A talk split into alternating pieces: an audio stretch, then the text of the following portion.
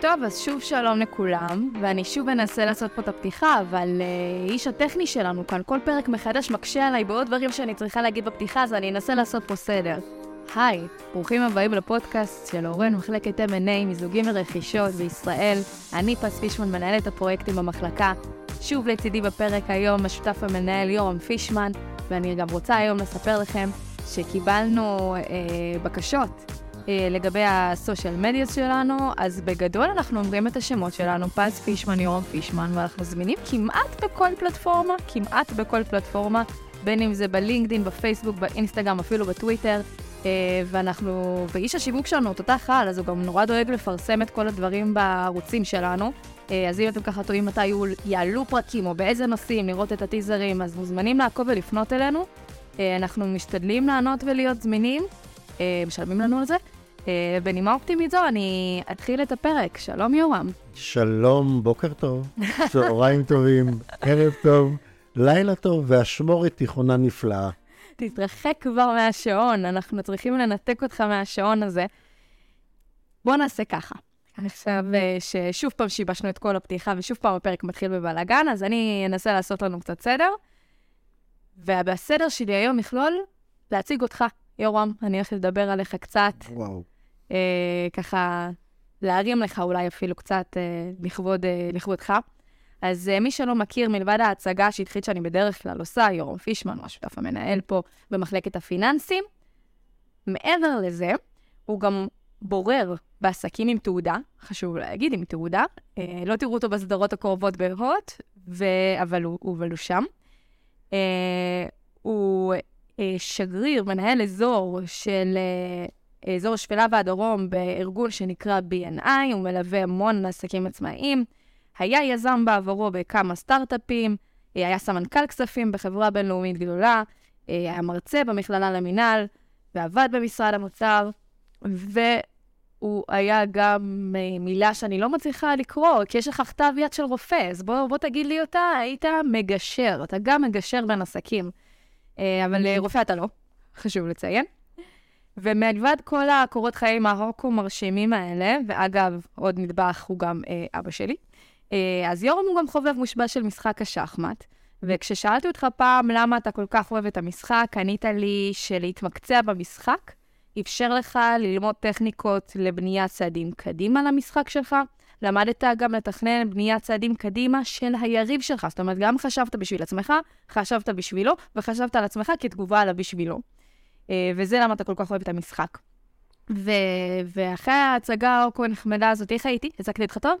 אה, יש מקום לשיפור. הוא גם איש מאוד נאה ובעל אוהב ואוהד מכבי, ונימה זו אני אצלול הלאה לסיפור שככה מצאתי לנו להיום, כסיפור מסגרת. אה, בוא נראה, זה חידה אפילו. בוא נראה אם תצליח להבין על סמך הסיפור שלי, מה, על מה אני הולכת לשאול אותך היום. אז בוא נתחיל. אה, בוא נראה. היו היה מרצה שמלמד את תלמידיו תכנון זמן יעיל. במסגרת ההרצאה הוא ערך ניסוי לעיני אולם מלא סטודנטים, כשהוא ממלא מכל זכוכית גדול אה, באבנים גדולות. אה, כשלא יכל אה, להכניס יותר אבנים גדולות אל המכל, הוא פנה לתלמידים ושאל האם המכל מלא. אה, כל התלמידים השיבו, כן, המכל מלא, אי אפשר להכניס יותר אבנים גדולות. המרצה אמר שהתשובה היא שגויה, והוא מכניס אה, למכל גם אה, אבני חצץ, שמילאו את כל הרווחים בין האבנים הגדולות, ואז הוא שוב פנה לסטודנטים ושאל אותם, ועכשיו המכל מלא? והם שהם כבר הבינו ככה את הטריק, אמרו לו, אה, לא, כנראה שלא. והוא אמר, נכון. ואז הוא חזר ומילא אה, גם חול ולאחר מכן מים כדי לכסות כל חלל ריק במכל. ואז הוא בא ושאל אותם איזו אמת גדולה ניתן ללמוד מן הניסוי הזה. אחד הסטודנטים האמיצים נעמד ואמר, אנו למדים שככל שהיומן שלנו נראה מלא וגדוש במטלות והתחייבויות, אה, אם נתאמץ, נמצא עוד מקום בתוך היומן שלנו. והמרצה אמר, לא, לא, לא זה מה שניסיתי להעביר לכם. הוא התבונן ככה בעולם מלא הסטודנטים ובשומעים שלו ואמר, מהן האבנים הגדולות בעסק העתידי שלכם? קביעת לוגו, מוצר, השיווק. מה שחייבים לזכור, שקודם כל חשוב להכניס את האבנים הגדולות, ואז לתת עדיפות עליונה לדברים האחרים. ככה יתמלא העסק שלנו בדברים גם הגדולים וגם הקטנים, ויישאר זמן ל... ל... ל... להתנהל בצורה שבה אני נוגע בכל מה שחשוב באמת. תם הסיפור. מה לדעתך אנחנו הולכים לדבר היום, יורם? מה ניסה המרצה להעביר להם? שבנייה נכונה של מפת הדרכים של העסק תהיה ראויה, ואז אני מניח שאת רוצה לדבר היום על תוכניות עסקיות. עשר נקודות, יפה מאוד, יורם. אז נכון, אז זה מה שגם בחרתי סיפור טוב.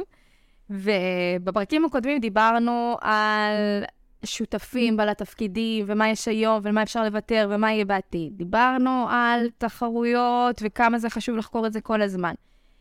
ויחד עם זאת, כל הזמן דיברנו על החשיבות שלהם בבנייה של סטארט-אפ מתחיל. אמרנו כל הזמן, אנחנו כל הזמן אומרים, יזם המחסן, יזם המחסן. אה, שבסופו של דבר רוצה לא רק לעשות את, ה, את הביג בנג, הוא גם רוצה להמשיך לתפקד. אה, וכדי להוכיח את ההמשך של התפקוד, הוא צריך גם להציג את זה נכון בפגישות חשובות מול משקיעים פוטנציאליים. אז מה המקום בעצם, יחד עם בחירת השותפים שלי ומחקר התחרות שלי, מה המקום של בניית תוכנית עסקית למיזם בראשית הדרך שלו, שעוד אין עסק? טוב, בואי נזרוק אותך עכשיו בזימבבואה. אני אוהבת, מפרק לפרק אני מטיילת בעולם. ואני אבקש ממך למצוא לבד את המקום שבו הטמנתי משהו בתוך המדינה הזאת. מה את, מה את תצטרכי לעשות? תצטרכי לבנות לך מפה, דרך ליעד. ולכן, בכל שלב, תוכנית עסקית עם מפת הדרכים של העסק, ואי אפשר בלעדיה. ואני כיזם, אני כיזם, חייב להציג אותה מלכתחילה, גם כשיבינו לאן אני הולך, ויראו את הדרך שלי, ויראו את הבקרות שלי, וילמדו גם עליי, גם על המיזם, גם על השוק, גם על המתחרים, ועל עוד הרבה מאוד דברים. ולכן, היא נדבך מאוד חשוב כבר מתחילת הדרך. ואם אני עכשיו יזמית מתחילה, שיש לי הבנה מדהימה במוצר שאני מפתחת, כאילו, אני אומרת, וואו, איזה גאון אני, איך אף אחד לא חשב על זה לפניי, ולא רק שחשבתי על מוצר מדהים, אני גם מבינה ממש איך אני מביאה אותו לכדי uh, משהו קיים. ואפילו אני, אני אפילו עבדתי בחברות גדולות, ויש לי אפילו קצת uh, הבנה על איך uh, חברה גדולה מתפקדת, אבל בוא, הנגיעה שלי והניסיון שלי בחיים לא כתבתי תוכנית עסקית. איך אני ניגשת לכזה דבר? אז קודם כל צריך להבין שלתוכנית עסקית, או התוכניות העסקיות השתנו במהלך השנים. בואו נתחיל עם זה. אוקיי. Okay. אם בעבר היה נהוג להציג תוכנית עסקית לחמש, שבע, עשר שנים, היום ברור לנו שהעולם משתנה חדשות לבקרים, ותוכנית עסקית שתיקח אותי לכאלה טווחים כנראה תזרוק אותי מהר מאוד מהמציאות. לכל תוכנית עסקית יש שלד, ואנחנו חייבים למלא תוכן. זה לא רק האקסל שבו אני מראה את החלום שלי ומנסה לשכנע את המשקיע בחלום שלי, אלא אם פעם האקסל הוא היה מראה הכל, אז היום לא. האקסל הוא לא מראה הכל, אלא צריך באמת באמת להציג בתוכנית עסקית המון דברים, ולא הייתי קופץ למרחקים עצומים. הייתי מראה אה, את השלבים של ההתפתחות עד למוצר או עד למכירה, ומציג אולי את התחזיות שלי לגבי מכירה עתידית כזו או אחרת, מבחינת האקסלים. אז נתחיל עם זה שבכל תוכנית עסקית אנחנו מתחילים עם הסיכום שלה, שמסכמת את כולה. וזאת שאני הכי אוהבת לקרוא.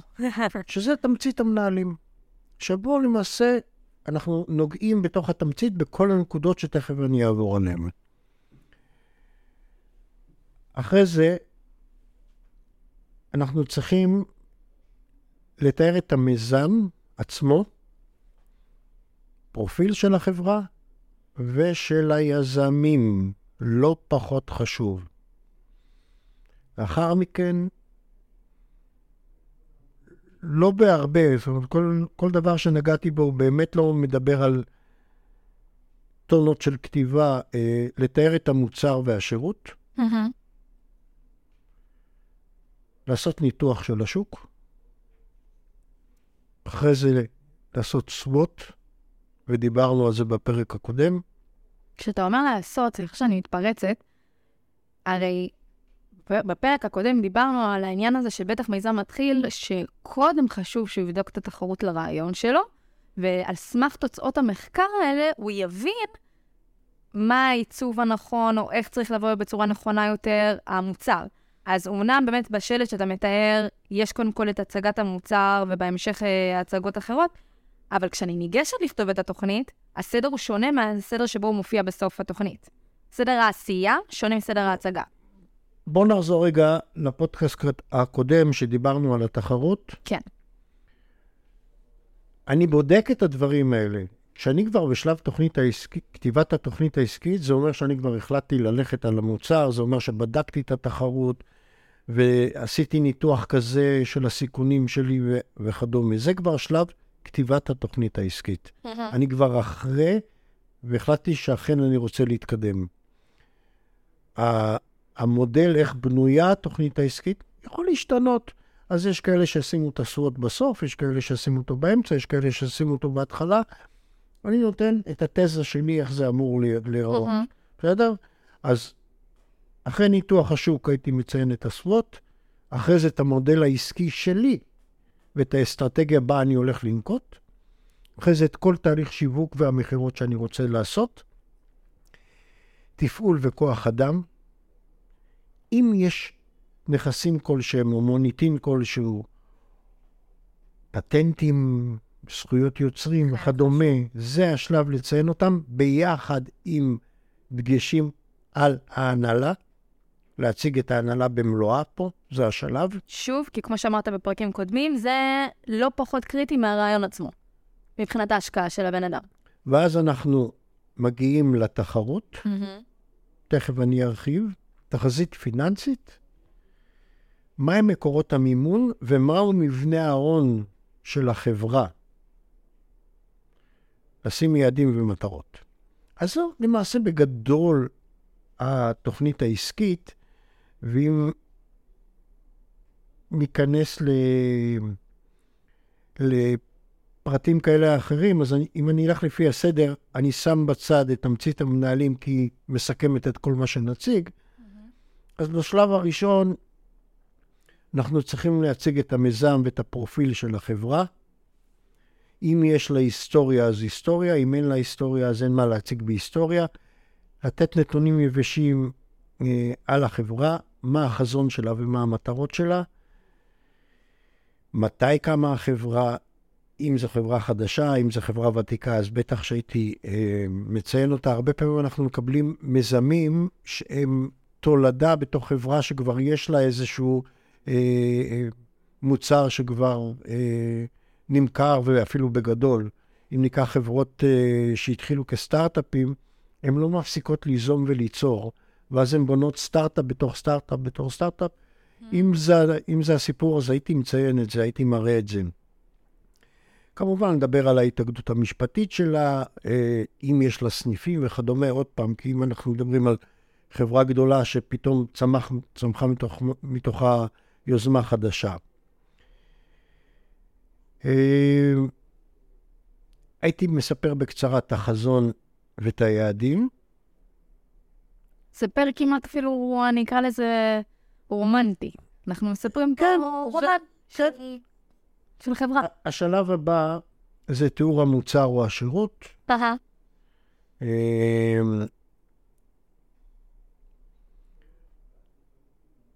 מה, מה בדיוק אני uh, עשיתי, איך עשיתי אותו, או מה הרעיון של מה שאני רוצה לעשות. מה לפעמים זה רעיון, mm-hmm. לפעמים זה רק רעיון, ולשם כך אני בא לגייס כספים. Um, ואת המטרה, כדי, ש, כדי שנחסוך משאבים מיותרים בהמשך. לציין מה המטרה שלי, כי בסופו של דבר אני יושב מול משקיע. תביאו לי כסף. לא, המטרה היא לא כסף. תגשימו לי את החלום. גם לא. המטרה היא להגשים לאחרים את החלום. המוצר שלי אמור לפתור בעיות למישהו. החלק הבא, כמו שציינתי, זה ניתוח השוק. שאלה למתחילים. דיברת מקודם על השלד, ניתוח השוק לעומת ניתוח התחרות, איך אני... אז אני מסביר. בניתוח השוק, אז אני צריך להגיע למי הצרכן הסופי שלי. Mm-hmm. אם יש גורמים מתווכים, לדעת מי הגורמים המתווכים. למשל, אם אני אה, חברת קוקה קולה, אז המתווכים שלי זה רשתות השיווק והמכולות והקיוסקים. בסדר? Mm-hmm. אז אני צריך גם לראות מי הגורמים המתווכים. לזהות את קהל המטרה שלנו. אנחנו נפלח את השוק, לתתי קבוצות ו- וכדומה. אה, זה יכול להיות אה, פילוח דמוגרפי, גילאים, פילוח גיאוגרפי, סוציו-אקונומי, רמת השכלה, whatever, תלוי במוצר שלי. אני חייב לעשות פילוח אה, עמוק. אתה אומר כל כך הרבה, וכל מה שעובר לי בראש זה שאם אני עכשיו יזמית שיושבת במחסן שלי, אני שוברת את המחשב בדיוק כמו שנגן שובר את הגיטרה באמצע ההופעה. אני כאילו, מאיפה אני מגיעה לכל המידע הזה? איך, איך מתחילים את הדבר הזה בכלל? אוקיי. אז בוא נלך עוד אחורה. נניח שאני למדתי באוניברסיטה, אה, choose, whatever, תגידי לי מה. מנהל עסקים ומימון. בוא נלך על מקצוע אחר. מקצוע אמיתי, אז מקצוע אמיתי. למדתי משפטים, למשל. רפואה, למשל. למשל. אז יופי, אני יכול להיות הרופא הכי טוב בעולם, ואני יכול להיות המשפטן הכי טוב בעולם, אבל אני לא יודע לנהל עסק. מה לעשות? אני מכונאי הכי טוב בעולם, אבל אני לא יודע לנהל מוסך. אז אנחנו נעזרים באנשים חיצוניים לטובת הדברים האלה. וכהמלצה, גם אם היה לך עשרות אה, מיזמים שכבר היית שותף פעיל בהם, עדיין את התוכנית העסקית שיכתוב איש מקצוע חיצוני. כי הוא... אה, כי הוא לא ישבור את המחשב במחסן. כן, זה עבודתו. זה בדיוק כמו שאם אני צריך אה, לעבור ניתוח כזה או אחר, אני לא אעשה אותו לעצמי, אלא אפנה למומחה, אז גם פה כדאי לפנות למומחה. נתתי עליך כבר הרבה פרטים מסגירים בפרק הזה, אני, לא- אני אעצור כאן. אז דיברנו על ניתוח השוק, ואז אנחנו ניגשים למודל הסוואט. אה, ולמי שלא, אז אני אתן את הראשי תיבות, זה החוזקות שלי, strangers, weakness, חולשות, opportunities, זה ההזדמנויות, וטריץ, זה האיומים שיש עליי. בסדר? זה הסוואט. פה, בוודאות, בוודאות, כמו ניתוח התחרות, הייתי נעזר בגורם חיצוני, לגמרי. לאו דווקא אפילו זה שכותב לי את התוכנית העסקית, כי גם הם נעזרים בדרך כלל בחברות שיודעות לתת להם נתונים מהשוק. נתונים אמיתיים, דיברנו על זה בפודקאסט הקודם, לשאול שאילתה. יש חברות שמחזיקות מאגרי מידע שלי ייקח חודשים לנסות להגיע אל כל המקורות שלהם, והם בעניין של שעות עד ימים ספורים ייתנו לי את הפתרון. הם ייתנו לי אבל 50% מהפתרון, אם אני מקשיבה נכון לראשי התיבות של הסוואט. ונגיד אני ההדיוטה שלא מכירה את הסוואט. יש פה 50% שהם באמת תלויים במחקר כלפי חוץ. ויש פה 50% שקשורים במחקר פנימי של החברה. זאת אומרת, החוזקות והחולשות שלי הם החוזקות והחולשות שלי. לא, החולשות שלך הן גם לפעמים איך אני ביחס לאחרים? ביחס לאחרים, ביחס לשוק, ביחס למתחרים. אז זה אחד, ולכן נגזר מזה גם החוזקות. הם ייתנו לך את מרבית הפתרון. את מרבית הפתרון.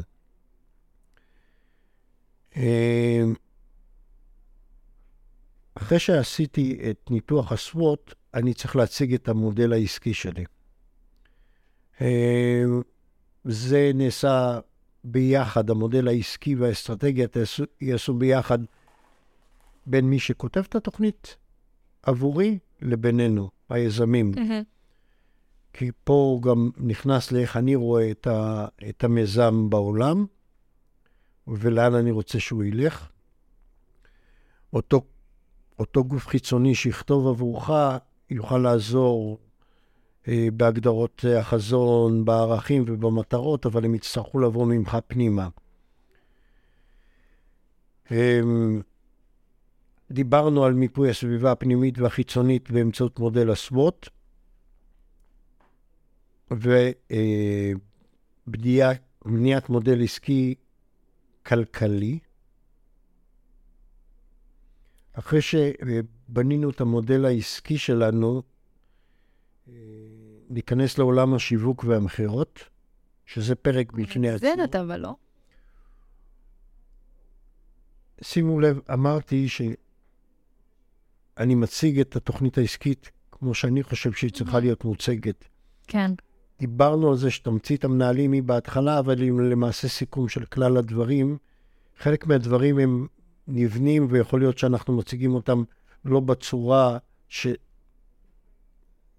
לנו, אבל זו הצורה שבה אמורים להציג תוכנית עסקית. אכן, כדי לבנות את המודל העסקי, אני צריך לדעת איך השיווק והמכירות שלי יהיו, אבל אני מציג את המודל העסקי ומסביר אותו באמצעות השיווק והמכירות. אוקיי. Okay. לאחר מכן אני אציג את כל נושא התפעול וכוח האדם שיש בתוך החברה. הגיוני. או שאני מצפה או מראה את ההתקדמות שלה, יכול להיות שהיום זה רק אני ו... והשותף שלי או השותפה שלי, אבל בעתיד נצטרך עוד ועוד ועוד אנשים, ואני מראה את ההתפתחות הזאת במודל כוח האדם. אם רשמנו פטנטים, או אם יש לנו זכויות יוצרים, זה השלב הבא, כולל ההצגה של מי אנחנו, מי אנחנו, מי הבורד. לפעמים זה לא רק היזמים, גם בפודקאסטים הקודמים דיברנו שכדאי להכניס לבורד אנשים שהם, נקרא להם, נקרא להם ידוענים בעולם התוכן שאני אה, מת, מתכוונן אליו, וכדאי שהשם שלהם יהיה בפנים. אם הייתי הולך על עולמות ביטחוניים, אז הייתי מצרף איזשהו אה, מישהו בדרגה בכירה שעשה תפקיד כמו אלוף, או אפילו רמטכ"ל, או משהו אה, דומה. ואם מעולם הרפואה, אז הייתי לוקח מנהל מחלקה בכיר כזה או אחר, או מרצה מאוד בכיר אה, בפקולטה לרפואה, ובכל תחום זה קיים.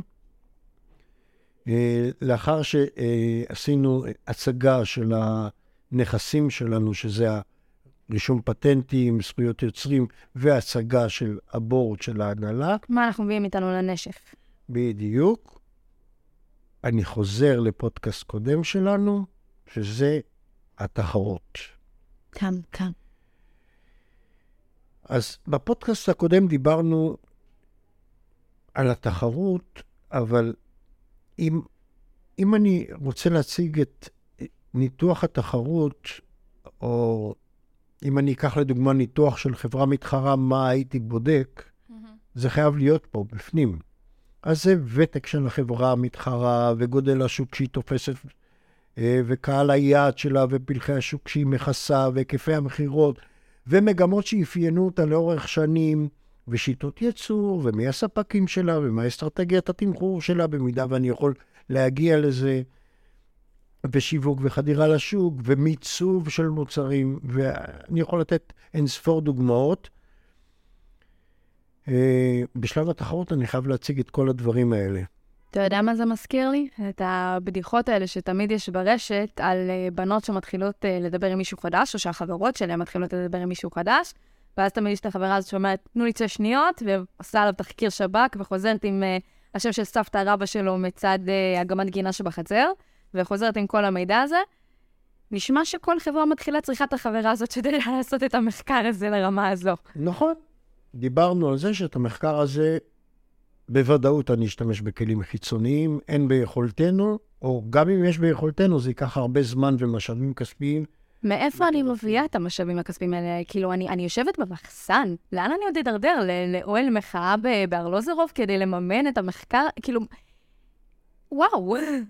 אז אוקיי, זו שאלה בפני עצמה, נכון. ואולי שווה פעם לדבר עליה, אבל אני תמיד, תמיד אמרתי שכל סטארט-אפ מתחיל, צריך להתחיל מכספים שאני קורא להם מן היקב ומן הגורן.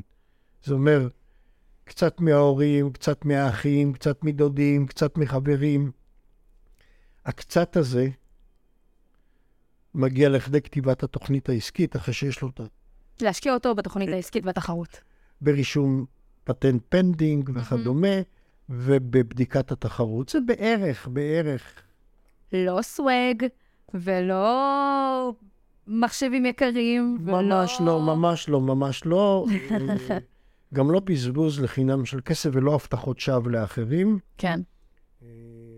וכן, לא בושה לוותר אולי על קצת אחוזים בהתחלה תמורת מישהו שיעשה לי את השירות תמורת אחוזים ולא כסף, שירות כזה או אחר, מהמם. כי בסופו, בסופו של דבר צריך טובה. לגייס כ-200, 250, 300 אלף שקל אה, כדי להתחיל. אתם פשוט לא רואים כי אתם כרגע בפודקאסט, אבל המבט שלי היה עכשיו על הפרצוף כשהוא אמר את הסכום. וואו. וואו. אז בואו נמשיך. הגענו... הגענו לתחזית הפיננסית, וכמו שאמרתי, אם בעבר היה נהוג להציג חמש, שבע, עשר שנים, היום אנחנו מציגים מה נעשה ביום ראשון? שנתיים למקסימום חמש שנים. אה, לא יותר מזה. אה, מה ההון הנדרש להקמת העסק, מה, איך מתייחסים להון החוזר, מה תזרים המזומנים, איך אנחנו מתנהלים איתו עד שיהיו הכנסות כאלה ואחרות, להציג דוחות רווח והפסד. זה חלק מאוד חשוב, כי הרבה מאוד מיזמים שבאו אלינו, ואני תמיד כל פעם מחדש התעצבנתי, כי זו שאלה שנראית לי כל כך טריוויאלית, ומעטים המיזמים שהצליחו לענות לנו עליה, זה מה ה-ROI שלכם. כאילו, זו שאלה שהיא נורא טריוויאלית למשקיע, אני שם עליכם כסף. מתי אני מתחיל לראות אותו בחזרה פלוס? בשביל זה אנחנו מציגים תחזית אה, כזאתי, מאוד נורא. כפופה, כפופה לשינויים שיכולים להתבצע בשוק. להסתייג. כן. מהמם. כל תחזית נכונה לרגע כתיבתה. כל מהמם. תחזית נכונה לרגע כתיבתה. שלב אחרי זה אני מציג את המקורות של המימון ומבנה ההון בחברה. אני הרגע אמרתי שלסטארט-אפ מתחיל צריך לגייס כ-250-300 אלף לפני שהוא בכלל פונה למישהו. מהמם. אז מן הסתם יכול להיות שכנגד הכסף הזה יפתי- או יתחייב לתת אחוזים כאלה או אחרים לאותם אנשים שנתנו לו את הכסף. שזה אגב פתרון מאוד משפחה או טוב. חברים. כאילו, לא פשוט היום לבן אדם מן השורה, לא כולנו נגישים ל-300 אלף שקל, גם אם אני אוספת אותם מכמה מקורות. אז אם אני מוכלת קצת על האחוזים שלי בתוך החברה, זה נשמע כמו פתרון שהוא מאוד טוב בטווח ה- ההגיוני. אני לא אתן לך עכשיו 20 אחוזים מהחברה שלי, אבל, אבל על מנת להגשים את החלום שלי, וזה המחיר במרכאות שאני צריכה לשלם, כן, זה נשמע כמו אלטרנטיבה מאוד טובה. לא כולם מוכנים לתת אחוזים, ואז האופציה האחרת היא לגשת לבנק ולקחת. הלוואה כנגד שעבוד של נכס כזה או אחר שיש לך. וואו. אין מה לעשות, בסופו של דבר, אנחנו מנסים ליצור יש מאין, אנחנו לא יכולים להגיד ויהי ויהי. בדיוק, בדיוק. למזלנו, על רעיונות טובים אפשר לקבל גם סיוע ממשלתי כזה או אחר מהמדען או כל מיני כאלה, אבל כדי להגיע לשם אני עדיין אצטרך לכתוב תוכנית עסקית, אני עדיין אצטרך שיהיה לי רישום של זכויות כאלה או אחרות, או patent pending וכדומה, ולכן צריך את הכסף הזה, אין מה לעשות. גם לפיתוח המוצר צריך לשלם לספקים, צריך לרכוש כל מיני דברים. שלב הבא זה להציג את היעדים ואת המטרות שלנו, וביעדים ובמטרות לא להתבייש, לא להתבייש להציג את החלום. לא להתבייש להציג את החלום. אני מדגיש חלום ולא פנטזיה. אל תפנטזו, אנשים לא קונים פנטזיות. אנשים יקנו את החלום שלכם, לא יקנו בחיים את הפנטזיה שלכם. ולכן החלום צריך להיות ריאלי, ולא איזה פנטזיה מהאגדות. אם יש לי אה, prototype כזה או אחר, או אה, אה, מוצר דמה שאני יכול להציג, אז הייתי מציג אותו בסוף. אבל זה סוף בגדול לתוכנית העסקית, כאילו, בלעדיה אין שום זכות להצגה בפני משקיע. אף משקיע רציני לא, לא ישקיע בעסק שלי אם לא יהיה לי את כל השלבים האלה. אז התוכנית העסקית היא, אתה יודע, אני התחלתי את הפרק בסיפור על, אה, על שקודם כל צריך לסדר את האבנים הגדולות, ואז את האבנים הקטנות, בסוף את החול ואת המים. התוכנית העסקית היא לא רק כדי, היא לא בכלל תנאי מקדים בכלל לפגישה עם משקיעים, כמו שאתה אומר, זה מובן מאליו, אל תצטרכו להגיע אם אין לכם, אם אתם, כל מה שאתם יכולים לדבר עליו זה רק הרעיון. אה, זה לא מספיק, ובטח ובטח לא משקיעים מנוסים. התוכנית העסקית היא גם, היא קריטית כי היא תעזור למיזם המתחיל לנווט ולתעדף, כי היא תיתן לו את הגיידליינס בסופו של דבר. אה, אם זה השוק שלי וזה האסטרטגיה שלי וזה תוכנית השיווק שלי, זאת אומרת, ברגע שאתה יושב ואתה עושה את הסדר הזה, אה, קצת, כאילו, זה, זה מה שגורם להתנאה. כי, כי, כי... לא לחינם, לא לחינם, סליחה שאני קוטע כן. אותך, אנחנו קוראים לה מפת הדרכים. זו מפת הדרכים של העסק. לא בונים תוכנית עסקית שהיא לא אמיתית.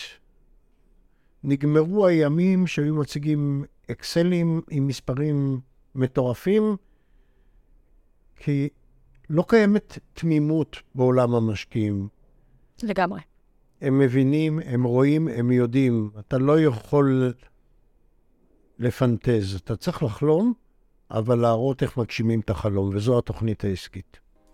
זה כמו שאני בדיוק אתמול סיפרתי לחברים שלי שכשאני צריכה לבצע הרבה מטלות, כשיש לפני יום עמוס בדברים שאני צריכה לעשות, בין אם זה בעבודה ובין אם זה אה, מחוץ לעבודה, אני קודם כל משקיעה זמן לפני שאני מתחילה בלשבת, ואני לא צוחקת, בלבנות לעצמי פלייליסט לאורך יום המשימות שלי, לאורך המטלות שלי, שילווה אותי ככה לאורך היום, כי, כי, כי זה מה שישמור אותי ממשיכה. אז אם, אם אני מצליחה ברמה היומיומית לשבת ולהקדיש זמן כדי לבנות לעצמי את הפלייליסט הזה שילווה אותי ו... ויגרום לי לפעול, אני... אז אני מצליחה להבין את הנקודת מבט של התוכנית העסקית. היא הפלייליסט שלכם כדי לגרום למיזם שלכם להצליח. לגמרי, לגמרי. הגדרת את זה יותר יפה ממה שאני יכולתי להגיד. חברו פלייליסט טוב. תודה רבה, יורם, תודה רבה. כיף. שיהיה לכולם אחלה של אה, שעה ביום.